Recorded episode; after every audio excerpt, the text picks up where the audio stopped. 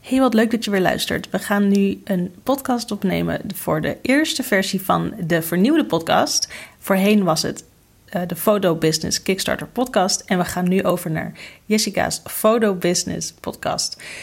En in deze podcast wil ik het met je hebben over, de titel zei het al, de strategie waar ik mijn, 75% van mijn klanten mee aantrek. Ik denk dat iedereen wel op zoek is naar het geheim om klanten aan te trekken. Want ja, uh, klanten aantrekken is soms een behoorlijke drempel. Het is uh, lastig. Het is soms moeilijk. Wat voor woord jij er ook aan wil geven. Het is uh, minder makkelijk.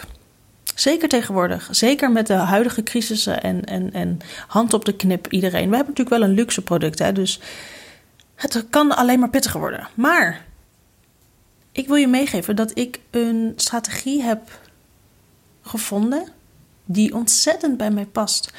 En die, ik ben daar zo laaiend enthousiast over. Ik word daar zo blij van als ik hiermee bezig mag zijn. En het maakt gewoon mijn werk zoveel leuker. En het is een strategie op basis van beleving en een bepaalde ervaring die ik mijn klanten meegeef. En waarschijnlijk heb je nu al een idee. En ik wil dat je bijvoorbeeld eens nadenkt over bedrijven als een Efteling of een mega groot merk als Disney. En waarschijnlijk heb je wel een idee, zeker als je mij al een beetje beter kent. Het is namelijk het inzetten op klantbeleving en daarmee het creëren van fans. Op deze manier haal ik echt de meeste van mijn klanten binnen. Want stel je nou eens voor, hoe, hoe fijn, hoe geweldig zou het zijn als jij trouwe klanten hebt die keer op keer terugkomen en lovend over je praten. Uh, hoe krijg je dat voor elkaar? Tell me. Nou, door je klanten een ervaring te geven waar ze u tegen zeggen. Leg je klanten zo in de watten dat ze tijdens het afnemen van jouw product of tijdens jouw shoot of wat je dan ook verkoopt, die ultieme klantbeleving ervaren. En dit gewoon niet anders dan moeten doorvertellen aan hun netwerk. En nogmaals, dit is dus die manier waarop ik die meeste van mijn klanten aantrek. En daar ben ik ontzettend blij mee. En dat heeft ook best wel een lange tijd geduurd. Dit is iets wat je moet opbouwen, wat je moet vormen, wat je moet doorlopen. Dat moet je kneden. Maar die klantbeleving is zoveel waard. Het is echt zoveel waard. Maar goed, misschien is het wel goed om even uit te leggen wat de definitie is van klantbeleving. Dus ik ga je ook even meenemen in wat achtergrondinformatie, zodat je ook kunt kijken of dit misschien iets is voor jou, waar ik, waar ik echt zeker van ben. Um, dus, klantbeleving. Het wordt ook wel Customer Experience genoemd, CX. Zie je dan vaak in de Engelse termen langskomen. En die klantbeleving, dat is de manier waarop klanten jouw product of jouw service of jouw dienst ervaren. Het is al die interactie tussen jou, je bedrijf en die klant die samen die klantbeleving maakt gedurende jullie relatie. En die relatie die begint al bij die allereerste kennismaking. En die duurt ook tot en met het allerlaatste interactiepunt dat, jou, ehm, dat jouw bedrijf heeft met die klant. En die klant die doorloopt, dus die bepaalde route, zie het ook voor je als een soort van begin- en een eindpunt. Een soort vlaggetje, hè? beginvlaggetje, eindvlaggetje, finish. Um, en je begint dus met die allereerste kennismaking. En dat kan bijvoorbeeld zijn via je Instagram-profiel of via een Google-zoekopdracht. En dat ze op jouw website terechtkomen. Tot het allerlaatste interactiepunt. Een mailtje van jou met de vraag om feedback. Of wat dan ook jouw laatste interactiepunt is met jouw klant. En deze route, die wordt ook wel klantreis genoemd. En die, die heb je misschien wel eens vaker gehoord als de customer journey. En dat betekent, dat is dus gewoon de vertaling van klantreis. Die, um, dat is een enorm belangrijke term, dus onthoud die vast, want daar komen we later nog even op terug. Maar heel leuk, die theorie. Maar nu even wat praktijkvoorbeelden. Een, een bedrijf dat um, inzet op klantbeleving, dat kun je erkennen aan het feit dat zij echt oog hebben voor de klant. En er alles aan doen om die beleving van hun zojuist afgenomen product of dienst of service zo goed mogelijk te krijgen. En denk dan bijvoorbeeld aan een welkomstcadeau bij het afsluiten van een, ja, wat, waar heb je vaak een welkomstcadeau bij een energiecontract, wil ik. Maar dat is tegenwoordig wat, uh, dat, is, dat is even wat anders voor als je live luistert met al die energiecrisissen. Maar um, bij, de, bij, bij zorgverzekeringen hebben ze dat dan nog. Een welkomstcadeau. Nou ja, dat is in wezen ergens wel een, een, een vorm van uh, klantbeleving. Um, Natuurlijk wordt dat ook wel vaak ingezet om klanten te lokken. Maar ja, eenmaal dat cadeau in handen, dan draagt dat natuurlijk wel bij aan die beleving. Ehm, of denk eens aan een cashier die uh, de klant bij het afrekenen erop wijst, bijvoorbeeld dat het product dat iemand wil afrekenen in de aanbieding is en dat je er nog eentje gratis bij krijgt. Ja, die krijg je gratis erbij. Ja, dat, dat kost inderdaad de, het bedrijf iets. Maar ze had het ook niet hoeven doen.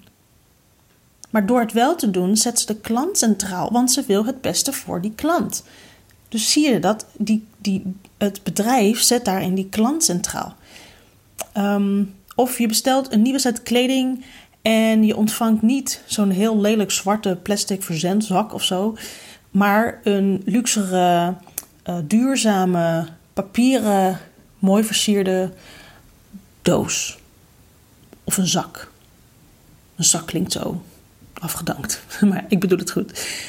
Maar je, je kleding is daarin stijlvol verpakt in plaats van erin geflikkerd dat maakt gewoon dat uitpakken weer zoveel leuker. En dat is iets wat blijft hangen bij je.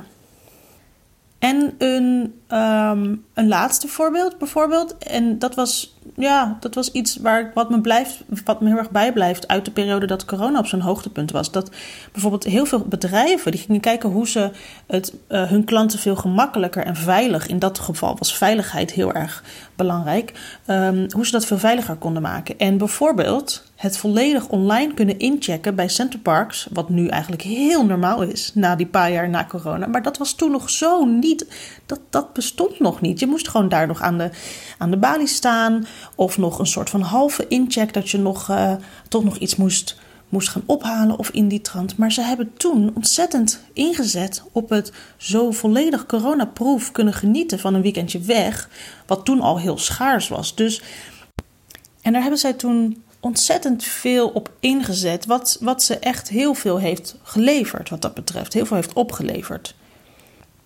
Je ziet ook gewoon dat de klantbeleving echt sinds 2020 zo um, stevig gepositioneerd is als concurrentievoordeel binnen bedrijven, binnen de grote bedrijven ook, die wereldwijd meedoen.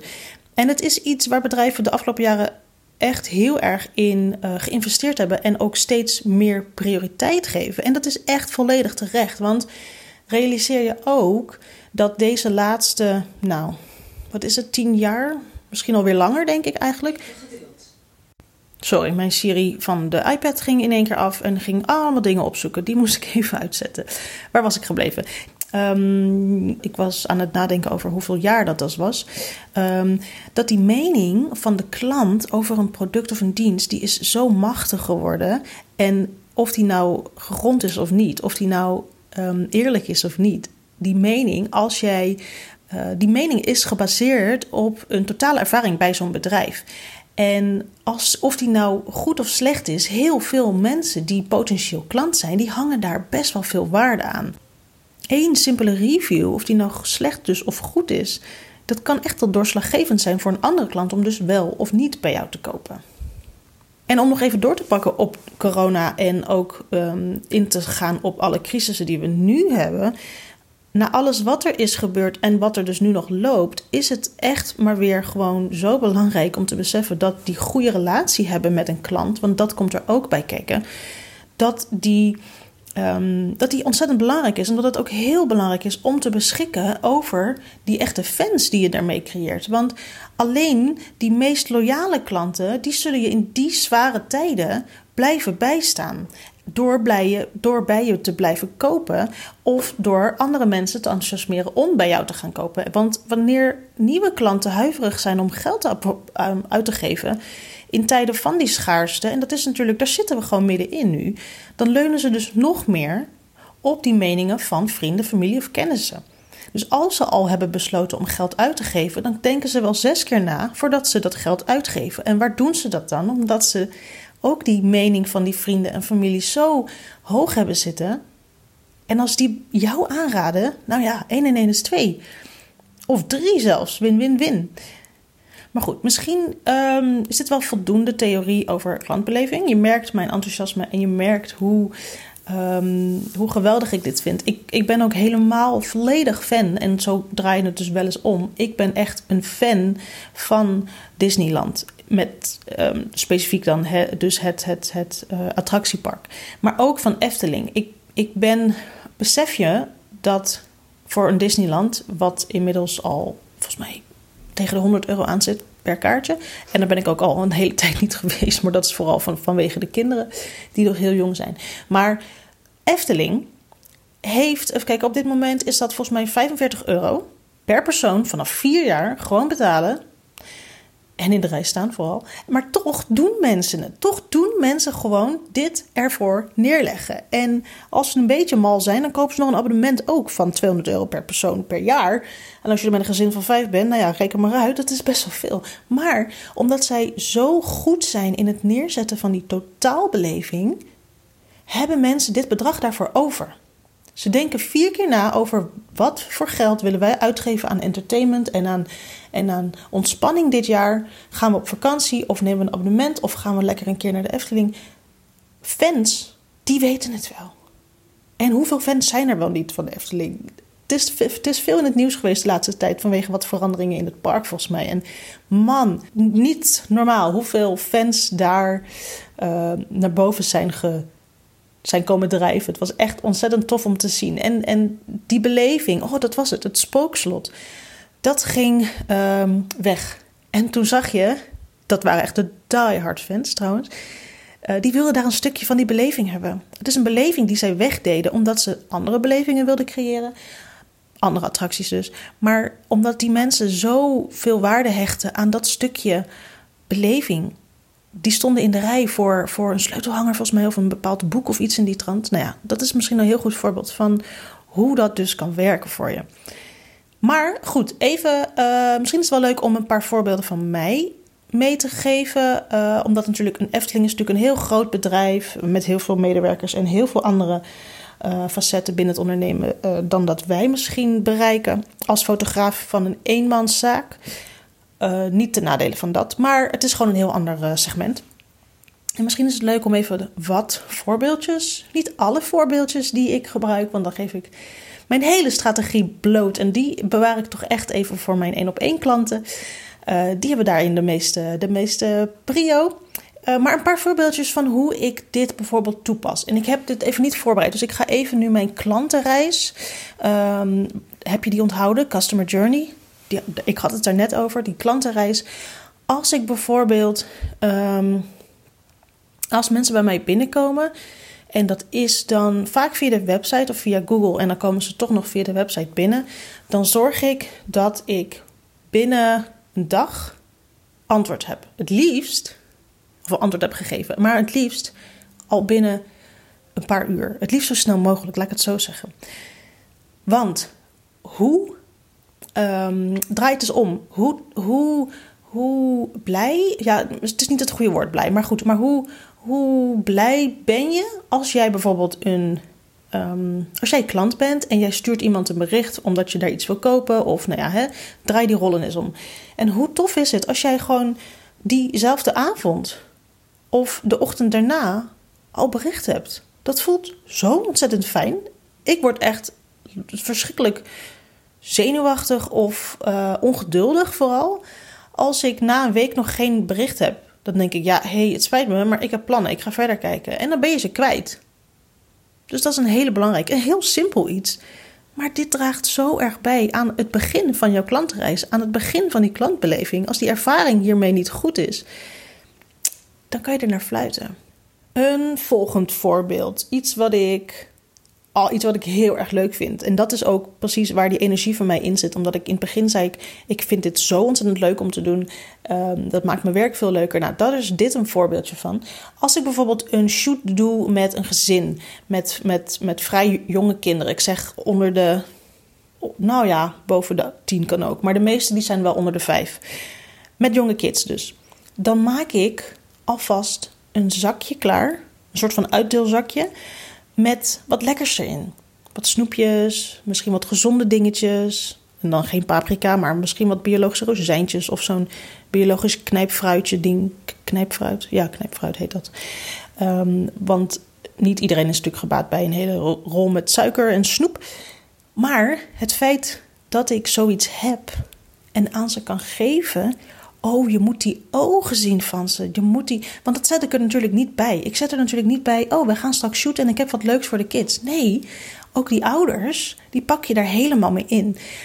En ehm, wat, wat ik dan bijvoorbeeld doe is, als we dan dus aan het shooten zijn en ook die kids die worden op een gegeven moment een beetje moe en ik maar ik wil nog wat laatste toffe foto's erbij maken, dan zeg ik: hé, hey, maar lieve schatten, luister eens, ik heb voor jullie een cadeautje omdat jullie het zo goed hebben gedaan. We gaan nog even een paar foto's maken en dan krijgen jullie van mij als beloning een leuk cadeautje. Die ogen, nogmaals, en weet je wat je daarmee ook krijgt? Het is ook een soort van slim ehm, inspelen op je workflow. Want die kinderen worden weer helemaal wakker. Want ze gaan iets krijgen. Oh, dan willen ze wel. Dus wanneer die een beetje zijn ingekakt, dan zijn ze zo weer levendig. En dan zijn die ouders ook weer blij. Want ze zijn weer ehm, wakker genoeg voor leuke foto's. Nou ja, goed. En op die manier, die ouders, die pak je daarmee ook in. Want jeetje, hoe tof. Die komen thuis. De buurvrouw vraagt: Hoe was je fotoshoot? oh, ontzettend leuk. En de kinderen vonden het leuk en ze deden leuk mee. En ze had gewoon iets leuks voor ze. Weet je, dat gevoel. Nou, daar gaat het om bij klantbeleving.